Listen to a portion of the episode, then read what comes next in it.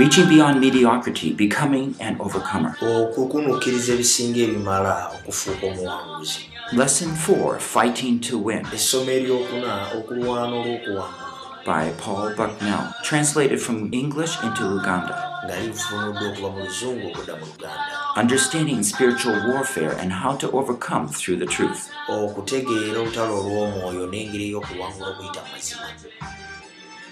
There's many things that happen in life that we never will expect. But God is always in charge. We're His children. We wait upon the Lord because He's faithful.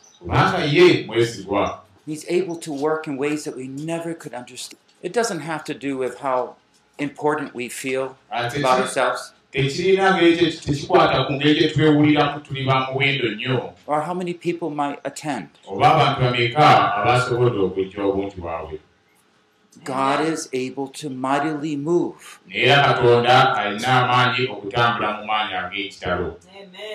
What's important is what God's doing in our lives. He's looking to shape our hearts that He can be able to fill us with His Spirit. era atunula okulaba nti akola bulungi emitima gyaffe n'agikuŋŋaanyawo n'agirongoosa alyoka akole n'omwoyo omutukuvu Not just us as pastors, but as every member of the congregation.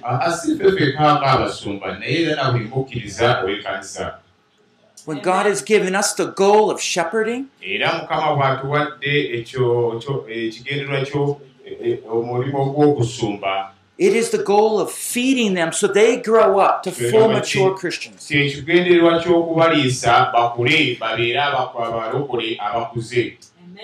Many of the things we're going over were really not that hard to understand.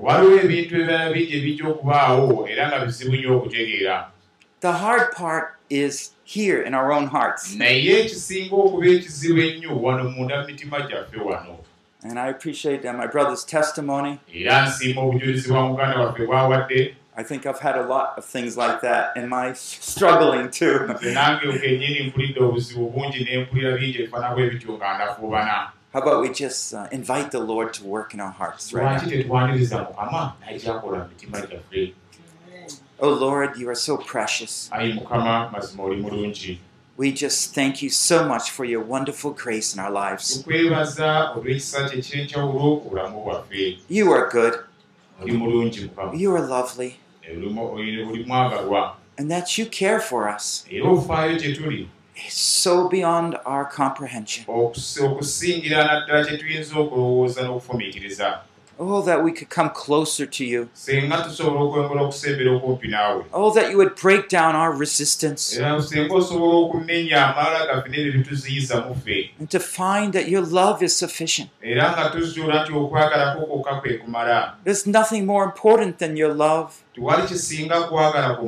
and to respond to you. And so, Father, cleanse us from all our sin. Bind us from the evil one. Set free our pastors that, E- era sumulula abasumba abafe abo that all of us might be free to serve you. Era bonna babeera beddembe okuweereza. In the fullness of the Spirit. mu bujjuvu obw'omwoyo gwo. And that the people in all the congregations across Uganda era abantu bonna na- n'ebibiina byonna okutwekwetoola eggwanga will grow to the fullness of Christ. batuuke mu kigere ky'obukulu obwa kristo. In Christ Jesus we pray. mu linnya ga kristo yesu tusabye. Amiina So we're we're learning here how to fight and how to grow. wano tusoma engeri y'okulwanamu era n'engeri y'okukulamu We know where we want to go. tumanyi wa we twagala okugenda At least we're getting a clearer picture. naye twetaaga ekifaananyi nga kitangaavu bulungi Part of that is the experience he brings us through in our personal lives. ekimu ku byo y'engeri mukama gy'atuleetera ebintu bye tuyitamu mu bulamu bwaffe obwa bulijjo I've been trying to share with you examples how I share my life with my people and uh, my family. era nande mbawo ekyokulabirako engeri nange gye ntuula wansi naye ngabana n'abantu bange obulamu bwange bwempiseemu I will share some more of my own struggles with you today. era ngenda kugamba n'ebirala bingi nnyo nange ebyo byempitamu nga ndafuubana These struggles are not, and these testimonies are really testimonies of how God brought us out of the pit. kaakati obujulizi buno bulagira ddala engeri mukama naffe gye yatujja ku binnya eyo It's not glory to ourselves aa tetugezaako okwezimba ku kitiibwa because that's where we came from. bale It's so twava obvious. iri eri eri But God wants to transform us. naye mukama ayagala atukyuse And we learn how His Word does that. It's just so amazing. nnyini Now, the fourth session here is fighting to win.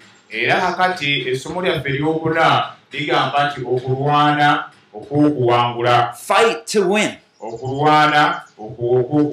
We have purposed ourselves to let God make us 100% holy. Kikumi ku kinnaakyo atufuula abatukuvu Uh, indeed, we will always be sinners here on earth. ewange era kuno ku nsi obukoononako tekwewalika Our feet are made of clay. obanga ebyo omubiri gwaffe n'ebigere byaffe byakolebwa mu bbumba The old man is so close to our new man. kaakati omuntu oli owedda ali ku lusegere nnyo olw'omuntu ono omujja It doesn't mean we don't sin tekitegeeza nti or that we're beyond sin. nti oba ffe tukuze nnyo obutayonoona No. nedda But the point is our goal ki- fighting. ensonga enkulu eri nti ki kye tuwanirira okutuukako Remember that little child? He falls, but he steps back up again. And that's where God's right there. And you can see the dad come and help the little one up, maybe. Ah, our Father's always there to pick us up. taata abeerawo bulijjo okutuyimusa nga tugudde This will be the fourth session, and this will conclude the general training on how to overcome. kaakati eno lyessomo lyaffe eryokuna lijja kuba nga liwumbawumba awamu engeri y'okuwangula Uh, and then the succeeding lessons, we will go and attack a particular area.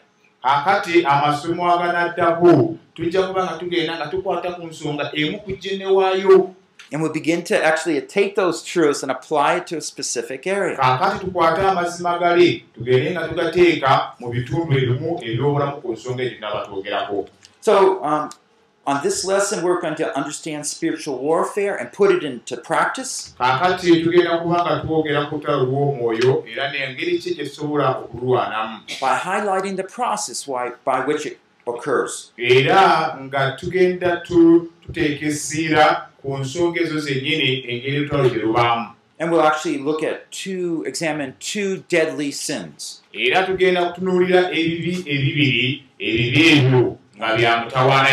self reliance and insecurity.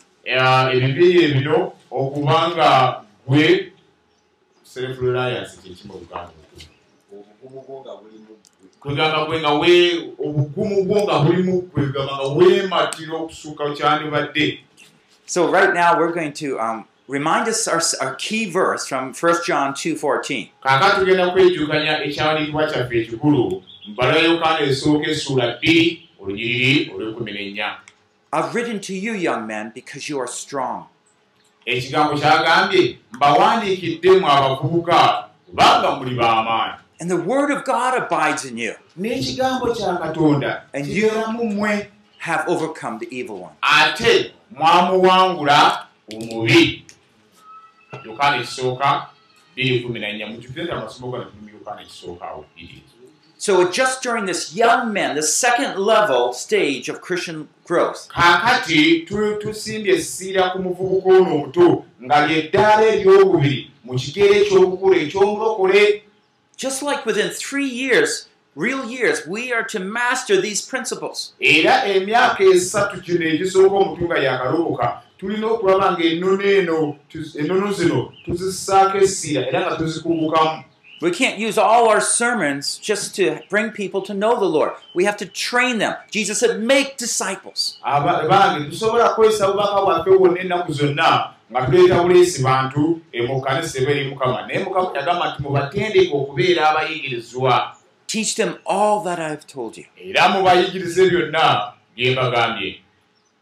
This word overcomer in English ekigambo kino omuwanguzi mu luzungu is uh, in Greek, it's called Nike. ekigambo ekyo mu luyonaani bakiyita nike Uh, I don't know. Have you ever heard of the Nike uh, running shoe? Muzimanye engato ezo eziddukirwako ezaze- ezibaza niki niki niki I never had money to buy them, but owange zesaafuna kupiya nange kuzigula but they're very popular. naye zimanyiddwa nnyo mu nsi yonna Now, just think of it this way. God has given you each the feet of overcomer.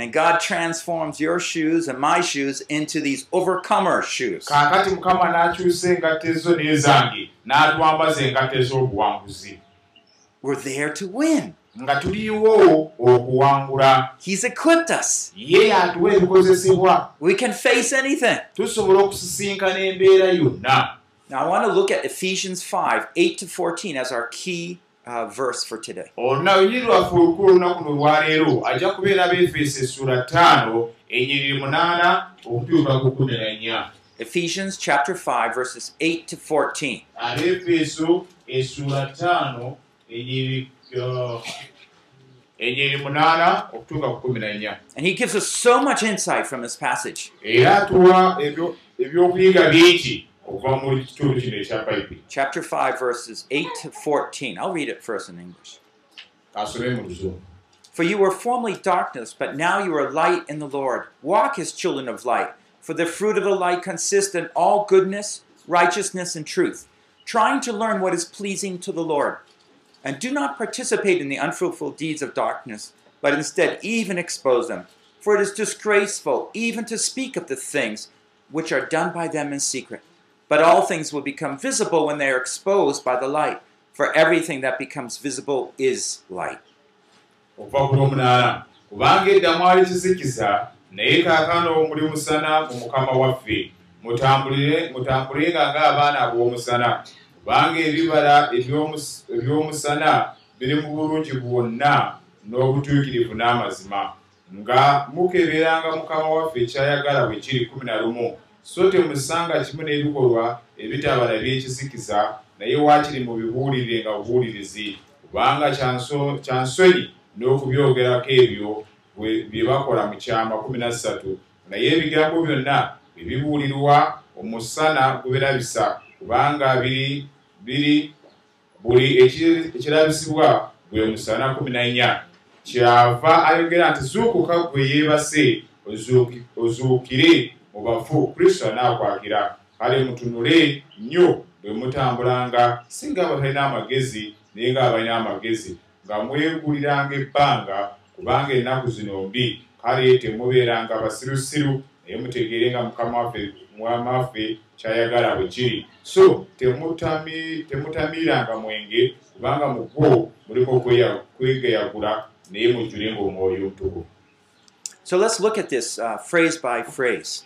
Kakati katugende nga tutunulira kitundu ku kitundu kine wakyo Now, first of all, we see that you were formerly darkness. agambye nti okusooka mwali mu kizikiza What does that mean?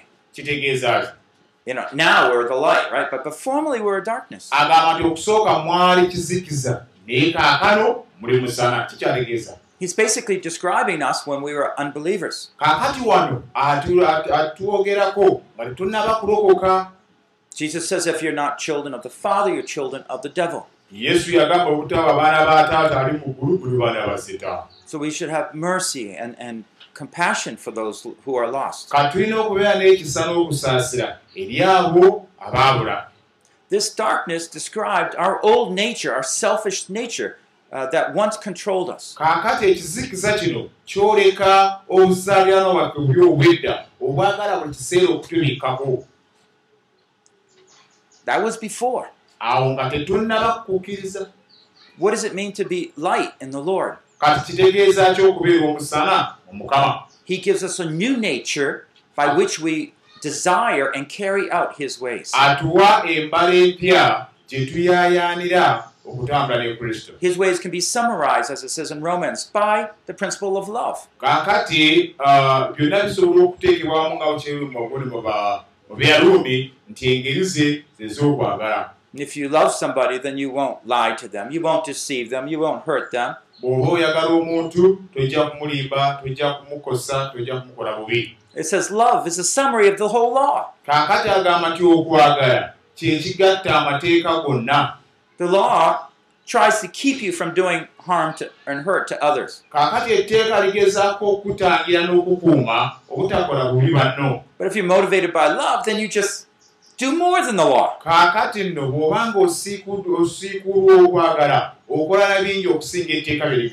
And with Christ living in us, we just go way beyond the law. We don't need that law in that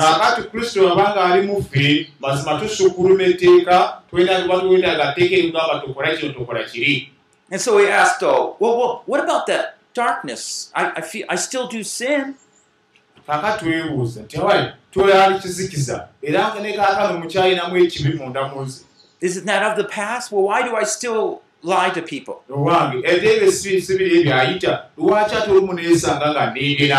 Now, the principle here is simply that that old nature is dead. Now, that concept of dead, let me, let me explain a little bit what it means. kanti nnyonnyole kyo It means that it no longer is control of us. It no longer is our master. It's still existing, waali but it's no longer our master. But if I myself, on my own will, naye bwe mbeera nga nze mu kusalawo kwange n'okwagala okwange choose to serve that master, bwe nsalawo okuweereza oli ow'edda then he says, Yes, welcome. adamu n'anyanyiza nagamba ejangu kyaliwo wano bompeereza mpeereza And my lust comes alive. kaakati okwaka kwange ne kuvaayo The old man comes alive. oli ow'edda naye n'avaayo But it's still not, it's only my master only until I put my will into its submission. kaakati oli ow'edda abeera mukama wange singa amala n'enzikiriza okwagala kwange ne nkuteeka wansi we obufuzi bwe But in fact, Jesus is still my master. kaakati yesu bw'aba nga ye mukama wange I've just turned aside and begun temporarily to serve this other one. yesu abasigala nga ye mukama wange naye wano oba nkyuseemu katono ne- ate ne- ne- ne- nennonayo ne nemuweerezaako What I need to do, re- remember, is oh, no, he's not my master. I'm turned back and I'll serve my real master. kaakati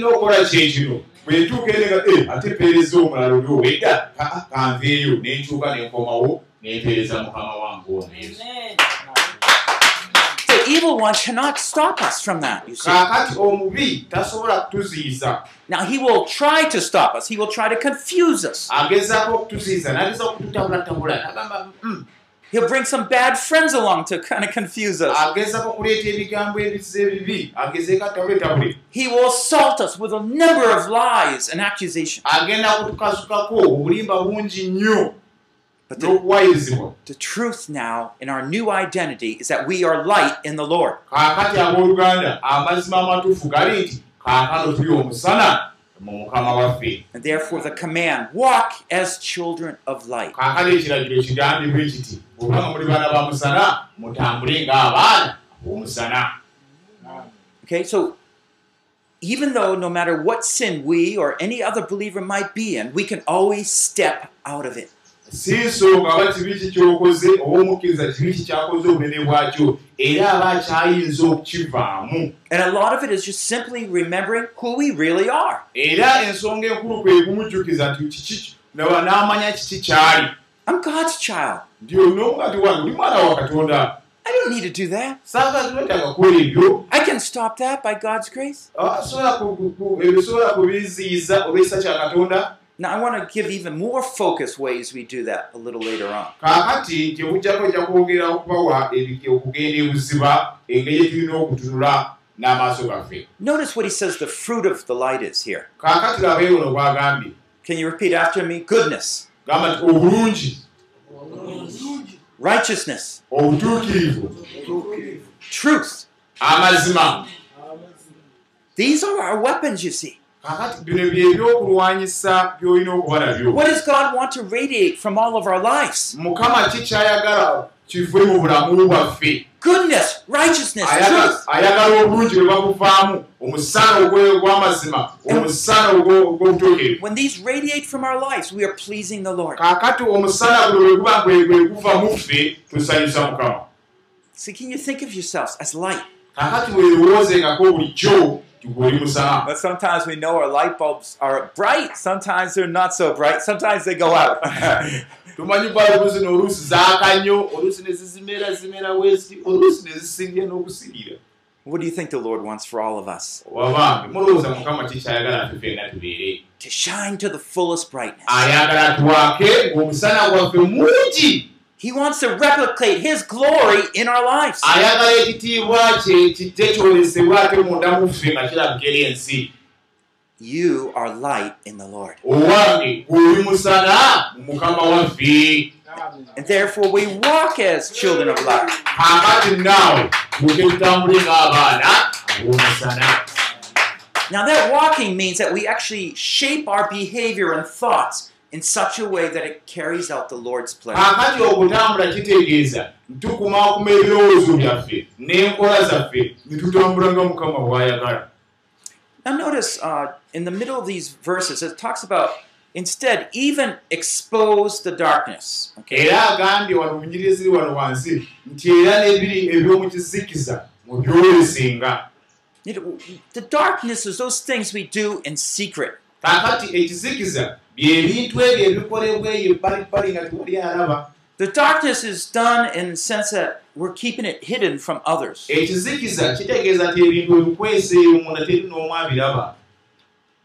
It's not easy to talk about our sins. And you know what the biggest danger for pastors is? It's it's the pride by which we make sure nobody can know about our weakness. kwegamba tubeera n'amaala mangi nga bweyimirira wano toyagala omuntu yenna amanye nti gwe nawe olina obuzibu Uh, back home, I'm actually not pastoring at this point. nali sinaba kutandika kusumba mu kiseera ekyo I stepped down in 2000. The Lord led me to start this ministry.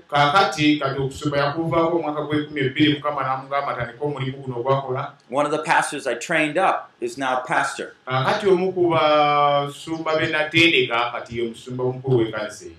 Well, I used to go to uh, during a certain time uh, last year. I, I was going to a prayer meeting,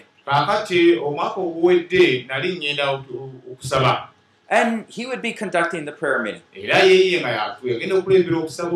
Now, every time I went to the prayer meeting, I got very critical. bwe natuuka waawo nenaka okulaba nga ebintu bitunulira n'eriiso jjo gino okubisalira omusango This could be bad. That shouldn't be like that. kino kyandibadde bwe kiti kino bandikikoze bwe bati naye wano bandikozeho bati And I just knew something was wrong. nenemumanya ndi ndakatansi kakale okusala emisango kale waliwo kikyamuwa And it happened, you know, week after week.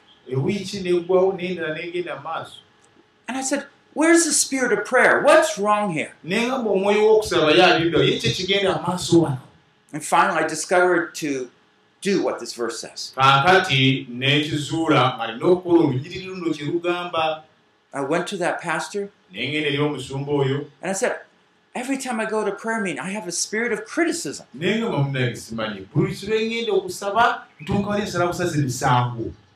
And I asked him, Would you pray for me?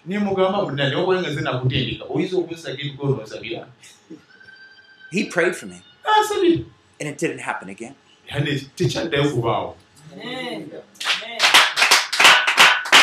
It wasn't easy for me to admit my spirit of criticism.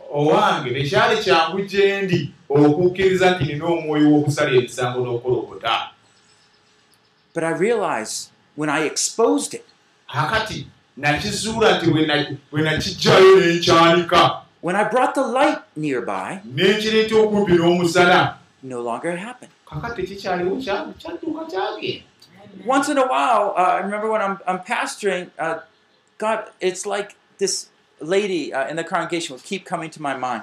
kaakati oluusi nga bwenyimirira okusumba nga waliwo omukyalo omu n'ekifaani kye kikoma omugongo wange kijja mugongo wange I don't want to talk, talk to my wife about this. I, I want to keep it in darkness. It, it keep coming though. So I take this principle.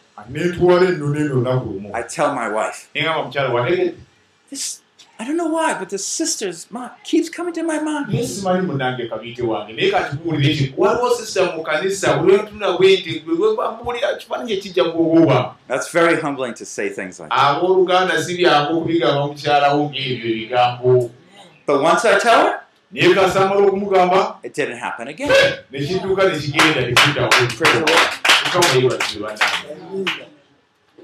See, pastors, we have such an image we want to keep omanyi abasumba tulina ekifaananyi kyetwagala okweteekako that there's places that, so we have places of secrecy. kaakane tubeera n'ebifo byaffe ebyekyama ebyebuziizi But as long as we keep secret and hidden, kaakati buli lwe tusigala nga tukuumye ebintu ebyo mu- kyama kyaffe munde then we have no way of releasing and finding that full light. kaakati tetusobola kubita tetusobola kwesumulula n'okufuna obusana obwo omujjuvu I know those things are disgraceful to speak of.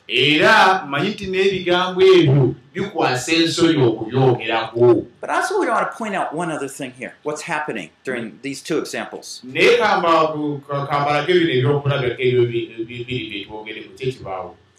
It's, it's how Satan works. So Satan was giving me thoughts of criticism. Ebyokusala omusango olyokukolokota Oh, he's not leading this song very well. tayimbye bulungi oyo Why did he choose that song? ye lwaki yasaza okuyimba oluyimba olwo Well, isn't he paying attention to that person? naye yaf- yafudde nnyo ng'ayimba oluyimba ku muntu He didn't conduct his time very well. kakati ng'egyakutte mu saaviisi nga likotambuza atya Okay, these are criticisms that are coming in my mind. Now, what Satan wants me to do is what? He wants me to say, yes, he's not doing a good job. kakati Okay, so the temptation is one thing, the criticism, but he wants me to accept it and join him in saying yes.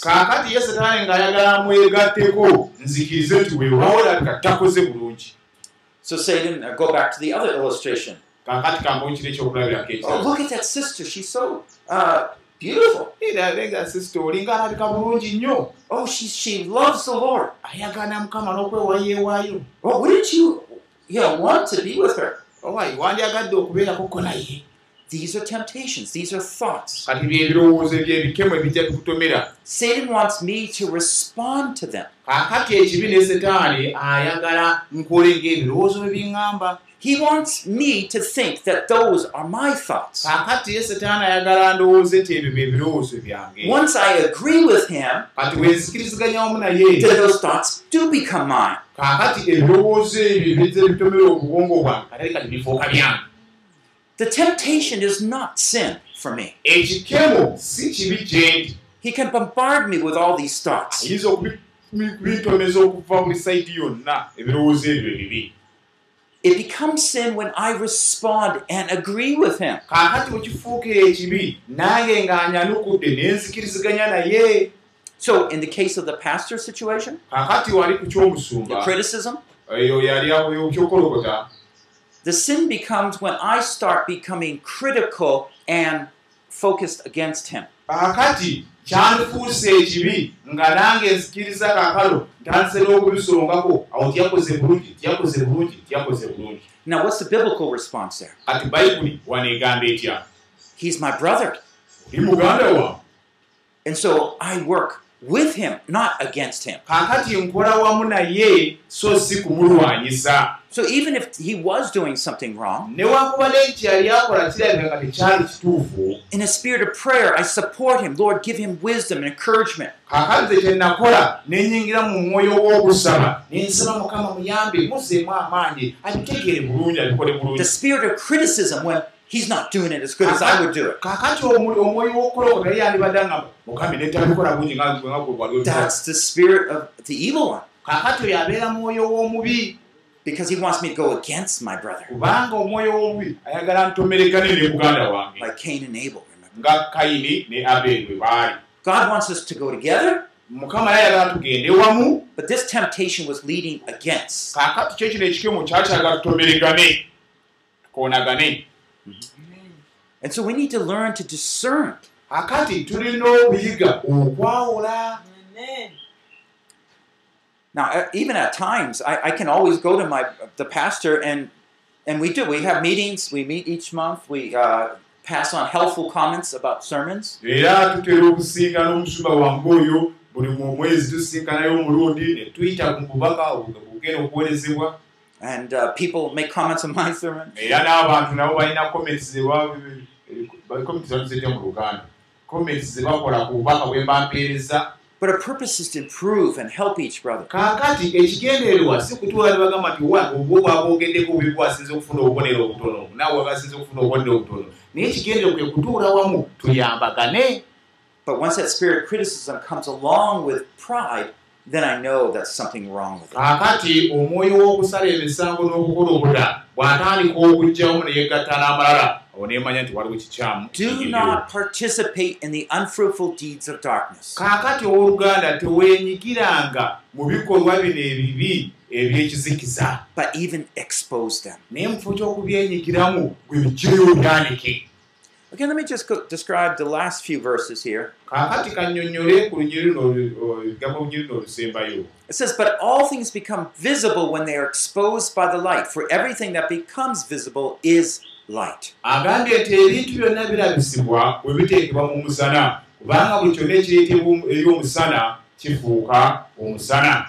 Remember, through this seminar, through this level two, we're establishing hope. Kakati jjukira wali ku ku muteerera gwaffe ogwokubiri tubadde tunyweza essuuli And so the point here is how do we combat the darkness and the spirit of defeat that is associated with it? kaakati wano ekyensonga eriwe nti tulumba tutya ekizikiza mu mwoyo ono ayagala okutulemesa Uh, for example, I could be discouraged, we could be discouraged that those other pastors can't join us.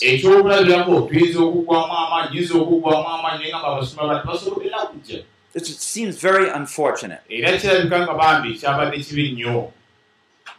We could get discouraged. Oh, we're disappointed. bazze We agree it shouldn't have happened.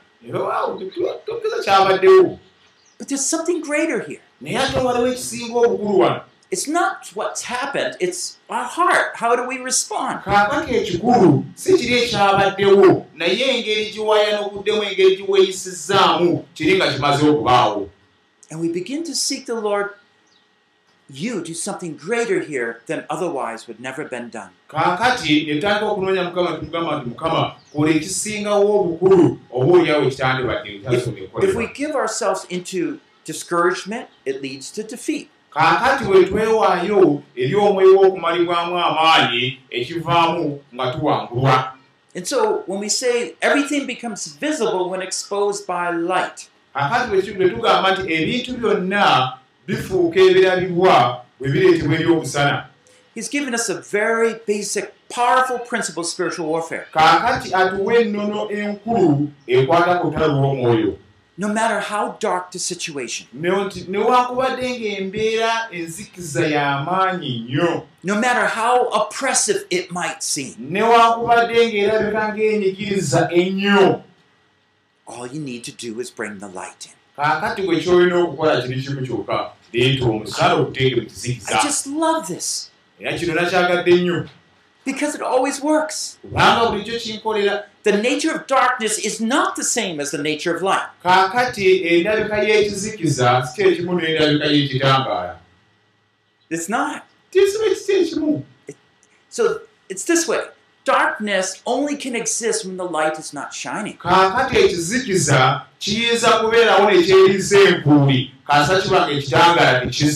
So Satan's tactic is get the light just not to shine. kaakati akakodyo ka sitaani kali kamu kokka kwe kulaba ng'ekitangaala tekivaayo Light is just so much more powerful. abanga ekitangaala kyamaanyi nnyo kirezikiza The power of darkness is only when the light is not shining. kaakati amaanyi g'ekizikiza geeriisa enkuuli kasita ekitangaala kiba nga tekiriiwo Now I look at the statistics and they say 80% Christian in Uganda. kaakati bwe natunulidde ku gundi ku- byebalira nga bagamba nti kinaana ku buli kikumi abantu abali mu uganda muno bakristaayo I don't know if you agree or not. I saw it in a book. What does that mean in terms of this country?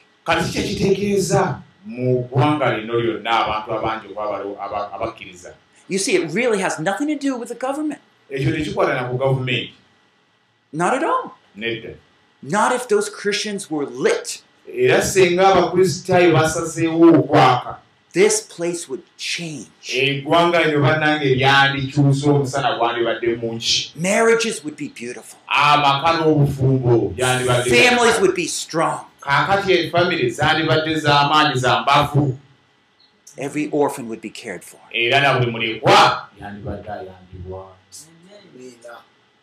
This is what God wants. ekino mukama kyayagala But perhaps there's something that's missing. Naye oba oliawo waliwo ekibulawo to actually help these Christians to shine. okuyamba omu abakkiriza bano okwaka omusana A lot of them feel defeat in different areas of their life.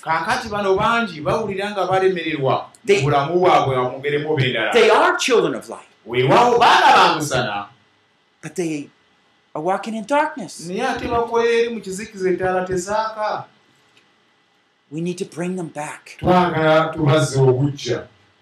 Revival is not is the miracles that happen during revival are not the important part. Okudda obujja si byamagero ebyamagero ebibaawo si kyekitundu ekinenenene ekyetaagisa I told you yesterday when they came out of the Red Sea, they had many miracles. A month later, they were building a golden calf. Less than a month, they were complaining that God would not provide for them.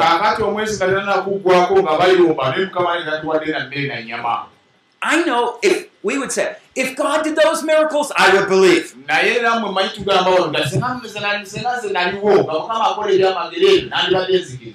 Mm, But probably not. We were looking for something deeper, and that is what Jesus gave to us.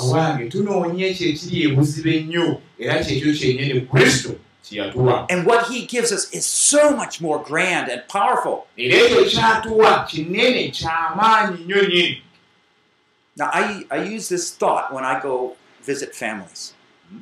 I use this uh, last thought that nkozesa kale olunyiri luno olusembayo wano bwe ngenda okukyalira amaka g'abakkiriza Things become visible when they're exposed by the light.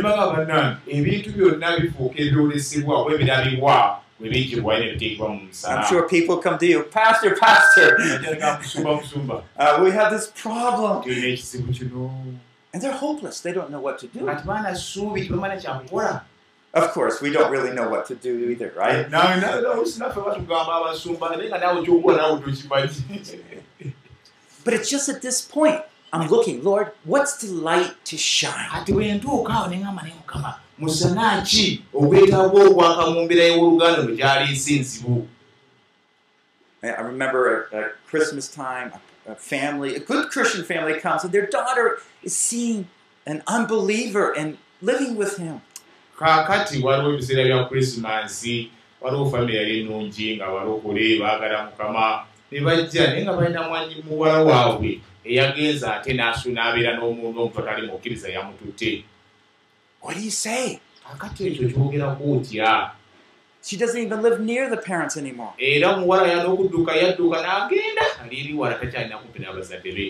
I look to the Lord, light, I need light.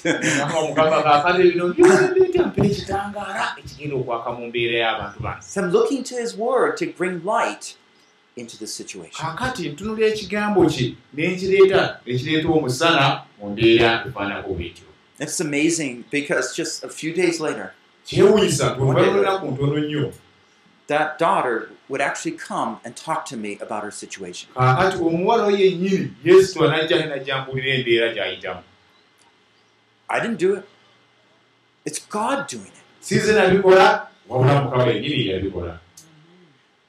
The visible part is when we are actually bringing God's word, God's truth to light in this situation. Kwe kuleeta ekigambo kya katonda ne tujja tukiteeka mu mbeera eno ey'ekizikiza Now, we're going to be talking about a number of areas, and I'm going to show you how to do this. era tugenda kuba nga twogera ku nsonga ezimu era ngenda kulaga engeri gy'osobola okukikola But let me just summarize some of these principles, and then we'll uh, go on and maybe try to do that right now in smaller examples. Let me summarize this, though.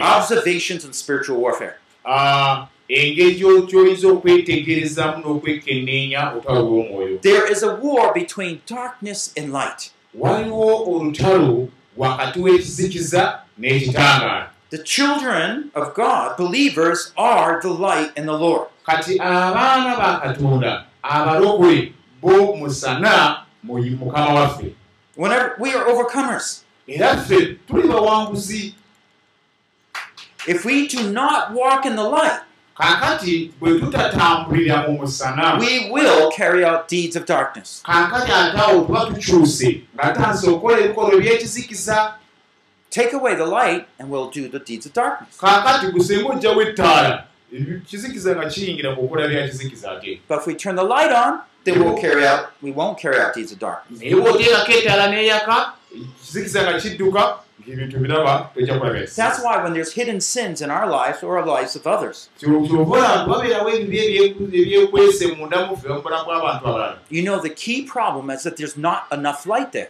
kakati omanyira bulungi nti ensonga lwaki owooluganda akola bino tanaakufuna musana gumala? Once you see the light, then the darkness goes away. kubanga singa amala n'afuna omusana eno enzikiza ejja kudduka Light n- is more powerful than darkness. abaagalwa ekitangaala kyamaanyi nnyo okusinga ekizikiza Darkness always retreats in the presence of light. era bulijjo enzikiza eteekako kakokola atondeka nnyuma ekitangaala nga kize We never need to fear darkness. era teweetaaga kutya kizikiza n'omulundi ogumu Just keep focused walking in the light. Bwe sigala ng'amaaso go ogatadde ku kitangaala era ng'otambulira mu kitangaala You see, God gives us pictures from nature to understand these profound and wonderful thoughts. omanyi mukama atuwa ebifaananyi eby'obutonde ebintu byatonda edda alyoka atuwa ekifaananyi kiri ekinene ekirungi You don't need to be rich, light, and darkness. We all know about that. owange tuwetaaga kutandika kuwakanya ekikwatagga ekiziza n'ekitangaala fenna tubimanye ku musala we gwaka zikiza nga kidduka Last night, uh, the electricity went off. ekiro amasanyalaze gammwe It gageeza was very dark. ekizikiza But one lady over there saw me there, so she turned a little light on. nga Ah, so I could see around. She was very thoughtful. Later, I went back and thanked her. nga If we start, each one of us shine, more people will be encouraged. Amen. amen It is a delusion to think better politics or governments or organizations, nonprofits is the key to solution to our problems. abange kibeera kya bulimba naku kyakuwugulwa okukyama bwe tukkiriza nebirwaba bannabyabufuzi baani n'ebino nebira nebira ebitongole ebiyambi bye binajja ne bifuuka ekyokuddamu That is not the solution. ekyo si ekyokuddamu God's given it to us, the light. bannange mukama atuwadde omusana You know God wants to work in Uganda because He has made so many children of light.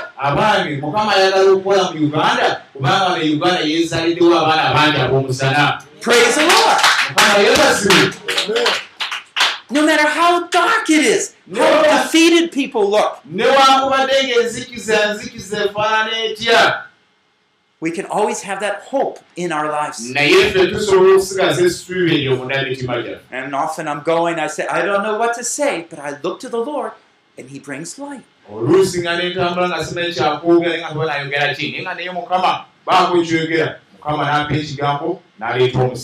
You see, truth is, uh, the light is goodness, righteousness, and truth. omanyi um, truth, I mean, light is truth, goodness, and righteousness. kaakati omusana ge mazima bwe butuukirivu When we, righteousness, goodness, and truth. obutuukirivu amazima n'obulungi abo bwe musana When we embrace the truth bwe tunywegera amazima and righteousness and goodness, n'obutuukirivu It's glowing. bw'omusana gwa that's where revival is, right here. Ah, That's where revival is. awo nno weewali obudde obujja When we, God's people start embracing these things. kaakati abantu bamukama bwe bakwata ebigambo ebyo ebisatu obudde obujja babujja Now, on the contrary, lies, temptation, kaakati waliwo ekiwakanya amazima bwe bulimba those are like arrows of darkness, shafts of darkness. kaakati obulimba bwe busaale omukalumabe bwabeera akasuka bwabeera akasuka They're coming in, bujja noddo ne kakutomera omutwe trying to block out the light. kaakati nga kugezaako okuziiza ekitangaala okutuukako If I embrace it, that darkness, the dark, the light goes away, the darkness expands. kaakati naawe bw'okkiriza obusaale obwo bw'ekizikiza nga omusana guvaawo ng'ekizikiza kigenda kyerigazaanya And so the lies will produce sin if I respond to them. kaakati obulimba bujja kuzaala ekibi singa mala nemusembeza Light and darkness cannot coexist. abange ekitangaala n'ekizikiza byonna tebisobola kutuula wamu ne bibeera wamu bweti Just like truth and falsehood, they cannot stand together. One has to go.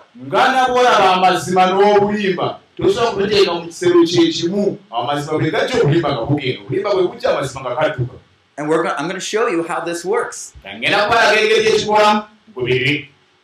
Because one cannot stand with the other.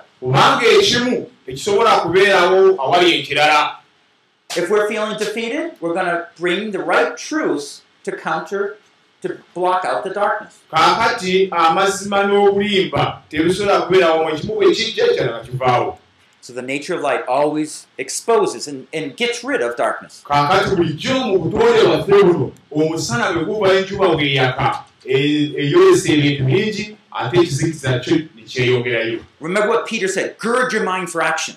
Emujjukire otwasome mu bbeere ekisooka nti mu- mutamirivukenga mu- musibenga ebimu by'amagezi gammwe. Now, our, our defense is this. When Satan brings a lie in, kaakati ekyokulwanyisa kyaffe ekyekyo ekyokwekuumisa I'm going to notice it as a lie and I'm going to give a biblical response to that.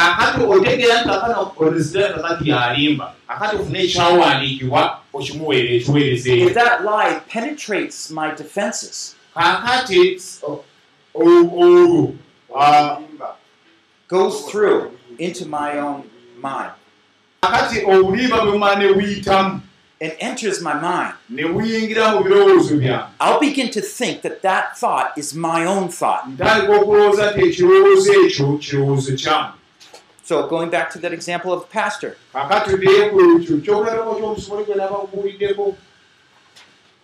he's not speaking well. So I, he wants me to respond, yeah, he's not speaking well, with the inference that I am a better speaker. kaakati ye setaani bwamulowolera ekirowoozo ekyo ng'ayagala nga enzikiriziganyamu naye era nga tayogera bulungi bwakatabunya bulungi That's sin. kaakati awo kasitookiriza nawo niweegattako ekibi nga wekitandikirawo We know whenever there's sin around, tumanyi buli wabeerawo ekibi ekitwetoolodde there are some false lies that have penetrated. Kitegeeza nti waliwo obulimba obwawaguza ne buyitawo The longer the sin has been there, ekibi kasa kirwawo ne kituulawo ne kimalwa ebbanga. the longer those lies have been there and accepted. kitegeeza nti n'obulimba bubaddewo ebbanga eryo lyonna nga babukkiriza. Tradition and culture are good, ebyafaayo n'ebyobuwangwa biyinza okuba ebirungi. but at times they embed darkness in them.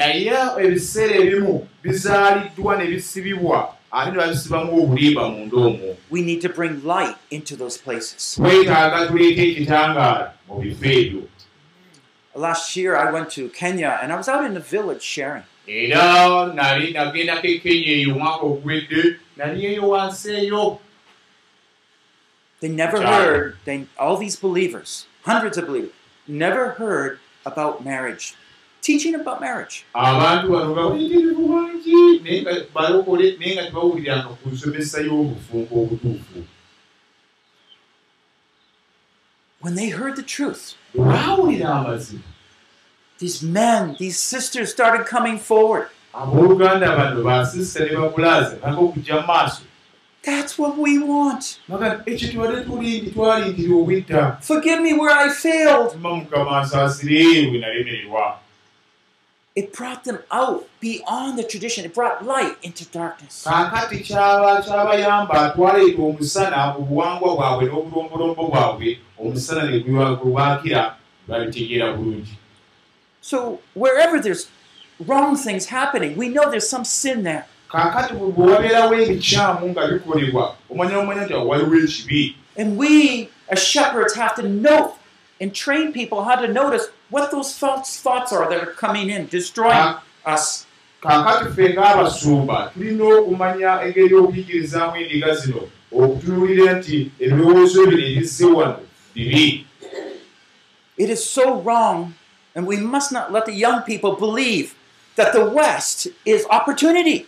abange kino kibi nnyo era tulina okugamba abavubuka baffe baleme okukkiriza nti amawanga g'e bulaaya g'ebuzungu That makes them open to all the garbage, all the sin that's coming there.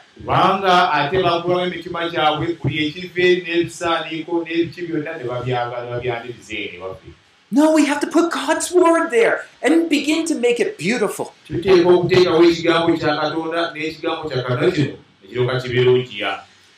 Oh, that people might long again for God to come, Jesus to come.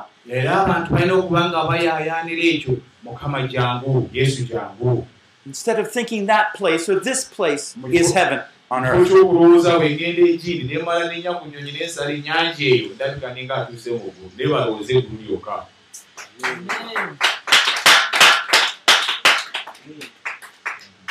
Why do people accept lies and falsehood? lwaki abantu bakkiriza obulimba There's a number of answers here. I want to just go through some. waliwo ansa zerina wano nyingi naye ngenda kuyita mu zimu The obvious is that there's not enough truth in us. ekisooka nti tetulina mazima gamala munda muffe kyeva tukkiriza obulimba Or you can say there's truth and we know the scriptures, but we don't love the scriptures and love the teaching. oba oliawo nga tumanya amazima agamu mu byawandiikibwa naye ng'amazima ago tetugaagala era nga twagala gasembeza We don't believe God's way is the best way. Nga ekyokubiri ne tutakkiriza nti engeri za katonda ze zisingayo amakuba kana ge gasingayo obulungi A person can lack discernment. He can't discern the lies. ekintu ekyali kiyinza okuba nti tulemererwa okwawula buno obulimba gano mazima He's not a student of God's word. ekirala ayinza okuba nga si muyizi He doesn't understand. He doesn't understand the power of truth.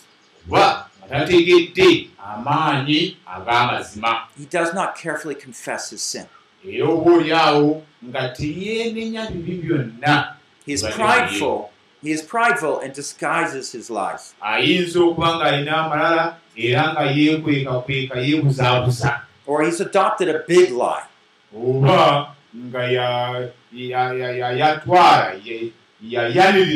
Okay. I, I just mentioned how people look to other places as better lives.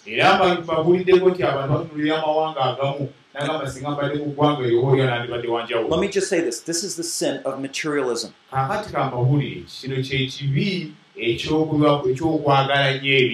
It's a whole philosophy, but it incorporates a lot of lies. Can you tell me what the lies are in materialism? Oyinza okumbuulira obulimba obw'okwagala ebintu ki kyekitegeeza A prosperous life is the best life. kakati muyaga n'agamba okulaakulana erupiya Lie! awo nja kuba ndi bulungi nnyo What life did Jesus live? owange obwo obulimba bwennyini tula yesu gye yali Very easy. That a comfortable life is the life we ought to seek. nti munalowooza nti obulamu obw'emirembe bwe nina okuba nga nnoonya Where did we find the Apostle Paul? tusangawo Pa- omutume pawulo He says, Whether I've learned to live within the good and the bad, ye pawulo agamba nayiga okubeera n'ebyo mu bulamu obulungi mukubeera mu bulamu obubi. It is not that there's not good things about prosperity, but if we take them just for what the world is presenting, they will destroy us. kaka naye singa tubikwata bubi mu ngeri ensi gyebikwatamu gyebituwaamu netulowoleza bwetyo tujja kusanga nga tuzikiriza How about our attitudes toward manhood? Our attitudes toward manhood. kakati endowoozo zi gye tubeera nayo tubendekula In Kenya, they were saying, men never say, I'm sorry. kakati ekenya bagamba omusajja tagamba munange ti nsonyiwa tayogera ti amusonyiwa That means I can't apologize. kitegeeza tasobola kwenenya What's that going to do to a marriage? Of course, if it was perfect, he would never need to apologize. Do you see how that mentality will kill the marriage, kill the pastor, and kill everything?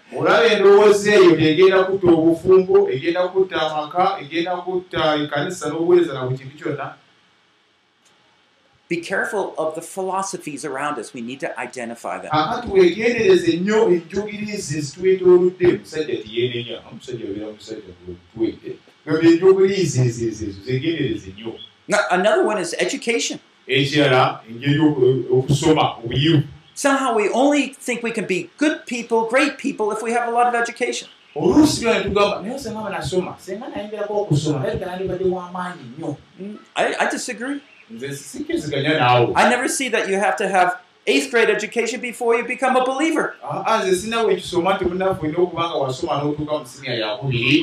kukuloboka I never see that the amount of light that we can have depends on my college education.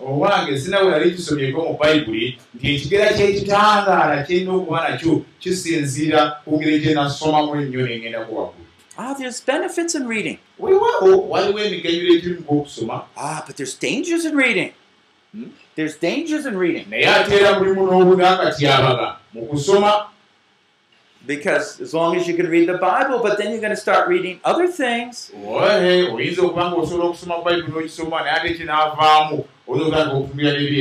nabyo n'obisoma American, uh, the education in America trains the people not to read with discernment, Ah, to train them without discernment. In other words, uh, I'll give you an example. What they're doing in America, for example, in our public education, starting with about seven, eight year olds, they treat homosexuality and fornication as okay. Kaakati ne bahandika okusomesa mu masomero nti okulya ebisiyaga n'obwenzi kya bulijjo ekyo That's public education. It's deplorable. They can read, but what are they doing and reading and learning? Be careful about education. N'okusoma nomunange wewe kirungi naye beegendereze byosoma We have to train the fathers to train morals and vision of a purity in the lives of our children. kaakati tulina okuteereka bataata awaka basobole okuteeka empisa ennungi mu baana baabwe. For in another generation, America will look like Sodom and Gomorrah. Mu mulembe oguddako omulala amerika yakufaana sodomu ne gomora if God doesn't bring revival. mukama bw'ataleeta kudda bujja Let me give uh, one example here about how we can use God's word.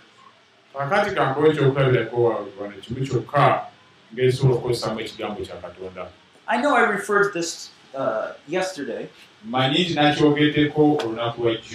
but I really want to show you the power of God's word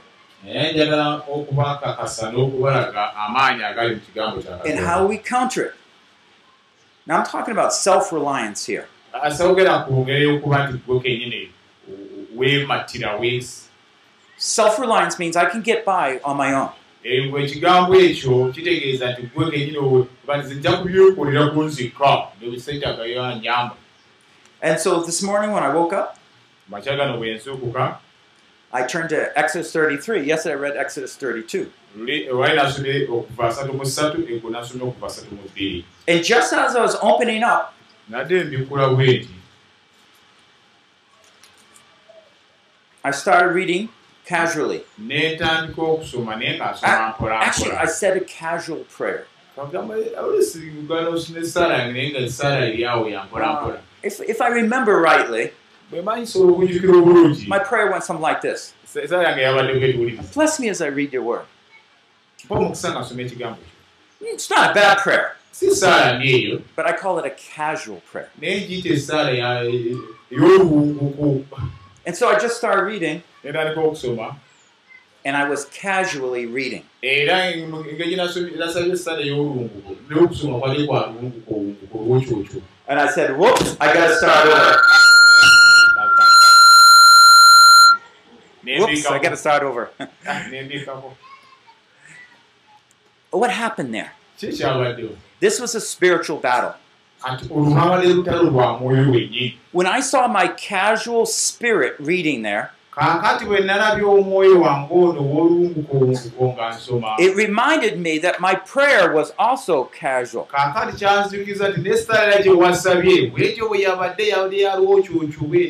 By casual, I mean, was it really sincere or not? Yabadde yaddala oba yabadde awo? Not very sincere. tiyabadde yaddala.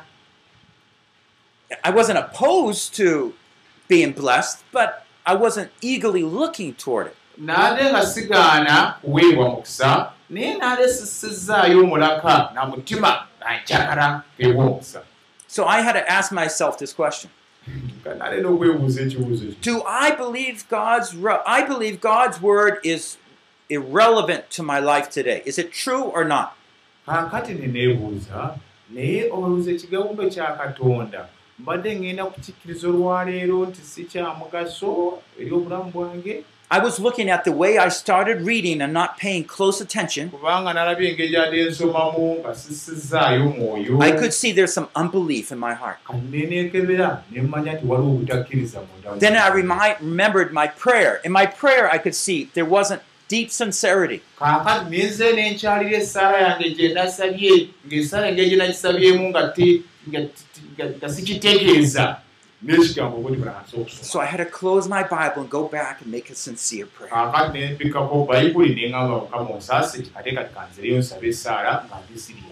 So the unbelief was in my mind coming, and I didn't notice it at first.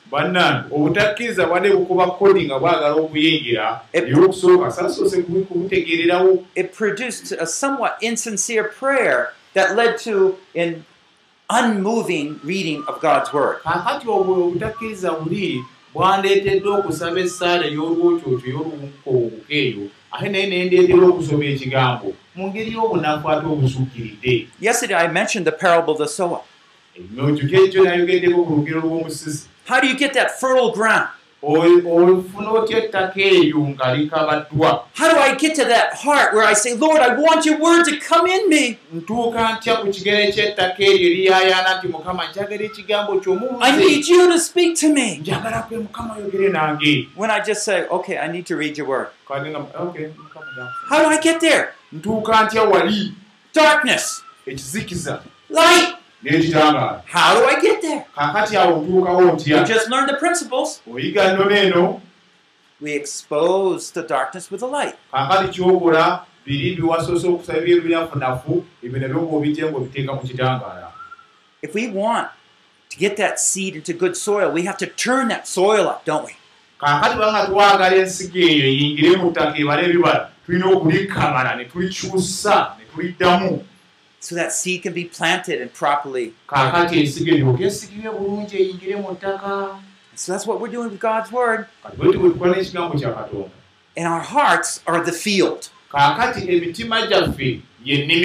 When my heart is hard and unbelieving, then the seed can't go in. So I break up the soil by confession of my sin, and I have to acknowledge my unbelief, and then begin to declare the power of God's truth and its importance to my life.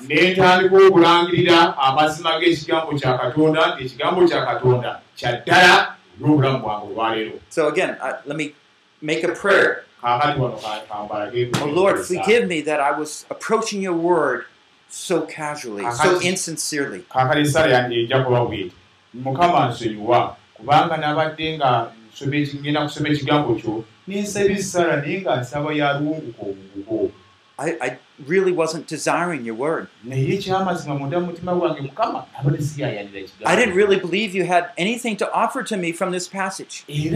Saakikiriza nti waliwo kyekintu ekyenjawulo noleyagala okwogera nange okuva mu kitundu ky'ebayibuli kino Forgive me for this. nsonyiwa mukama And now, Lord, your word is precious. Ekigambo kyo kya muwendo I want to seek it like silver. njagala nkinoonye nga bwonoonya feeza I want you to bring that treasure into my heart and life today. njagala nfune ekyobugagga ekyo mu mutima gwange ne mu bulamu bwange olwaleero You have the words of life. gwolina ebigambo ebyobulamu I need your word to come in my heart so it's living and abiding. njagala ekigambo kyo kijje mu bulamu bwange kibeere ekyo ekiramu mu mubiri gwange Let the word be planted today and bear fruit. nti ekigambo kisigibwe mu nze leero era kibale ebibala Bring glory to your name. ndyoke ndyote ekitiibwa eri erinnya lyo In the name of Jesus, I pray. yesu nsabye That's what I had to do today. kati ekyo kyembadde nina okukola yesaala eyokubiri nga nenenya eri esoose ey'oluwunguko liduka nsaba esaala ey'amaanyi efaanako bwetyo You know what they say about Bible school and seminary? Omanyi kibagamba masomero ga bayibuli n'emisaminaliyo It's the hardest place to read the Word of God. nti eyo mu masomero ga bayibuli eyo. We who often use the Word of God are sometimes committing the greatest sins without ever knowing it. era oluusi fe batera okukozesa ekigambo kya katonda ate ffe tukola ekibi ekinene okusinga n'abalala We need to break through. twagala twetaaga okubotola okuyitamu We expose a lie that the Word is not important. oluusi tugenda ne tugamba "Ah, ekigambo eki- lewo ekisoma kigambo We kikulu." confess the wrong attitude. We affirm the goodness of God's Word. We ask for strength, wisdom. We put our hearts toward it. And we seek the blessing. era ne tutusaba ne tunoonya omukisa It's so special to see what God is doing in our lives and to find what God wants to do through the power of His Word.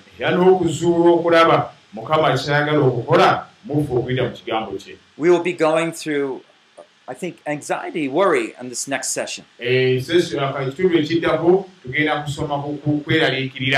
And we're just going to take the truth and expose the darkness era tugenda kukwata amazima tugateeke tu- tu- twolese ekitangaala tugateeke mu kizikiza and we're going to see how we can live above worries. era tugenda kulaba engeri gy'osobola okubeerawo ng'oli waggulu w'okweraliikirira Now, I, I had a lot of worries in my life. God helped me in so many ways. era nze nalina okweraliikirira kungi mu bulamu bwange naye mukama n'annyamba mu ngeri gye- mu ngeri ennyingi ennyo Let's close in prayer. katumalirize n'essaala Oh Lord, we thank you so much for the power of your word. We thank you for the blood of Christ that cleanses us from all our sin.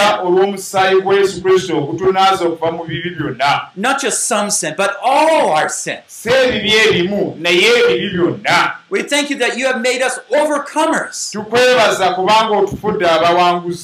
that you have put those shoes on us and make us to leap over every sin. era twotwambaziza engatta ezo ne tusobola okubuuka n'okusukkuluma buli kibi kyonna to triumph over every temptation, okuwangula n'oku- n'okuwangula buli kikemu kyonna to shine as your people of light. era okumasamasa n'okwaka ng'abantu ab'omusana Lord, we pray that you would Cleanse us from all this darkness. mukama tusaba Cleanse it. tunaaze okuva mu nzikiza eno yonna Begin to shine the light brighter and brighter. era n'omusana gwo gwongere okwaka n'okwaka n'okwaka nga gweyongerayongera And deeper our vision of helping our brothers and sisters. era otweke ebusiba munda mu ffe okwolesebwa okw'okuyamba baganda ffe ne banyinaffe That the light of God might shine in them. nti omusana gwa kristo gwongere okwaka mu bo Oh, bless us, O Lord. mukama omukisa That we could bless your name. naffe tulyoke twebaza erinnya lyo The great name of Jesus. erinnya ekkulu erya The yesu King above all kings. kabaka asinga The bakabaka Lord above all lords. Mu- mukama ali waggulu abakama bonna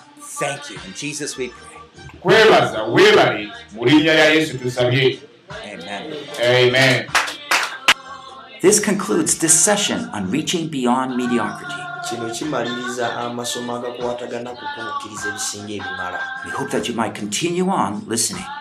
tulowooza nti ojja kweyongerayo n'essuubi lyaffe okusomera okuli Be a strong, spirit filled believer. osobole okubeera omukristaayo ajjudde omwoyo ataanywedde Lesson 4 Fighting to Win essomo eryokuna okulwana olw'okuwangula by Paul Bucknell. Translated from English into Luganda. nga lifunuddwa okuva mu luzungu okudda mu luganda Understanding spiritual warfare and how to overcome through the truth. okutegeera olutalo olw'omwoyo n'engeri y'okuwangula okuyita mazima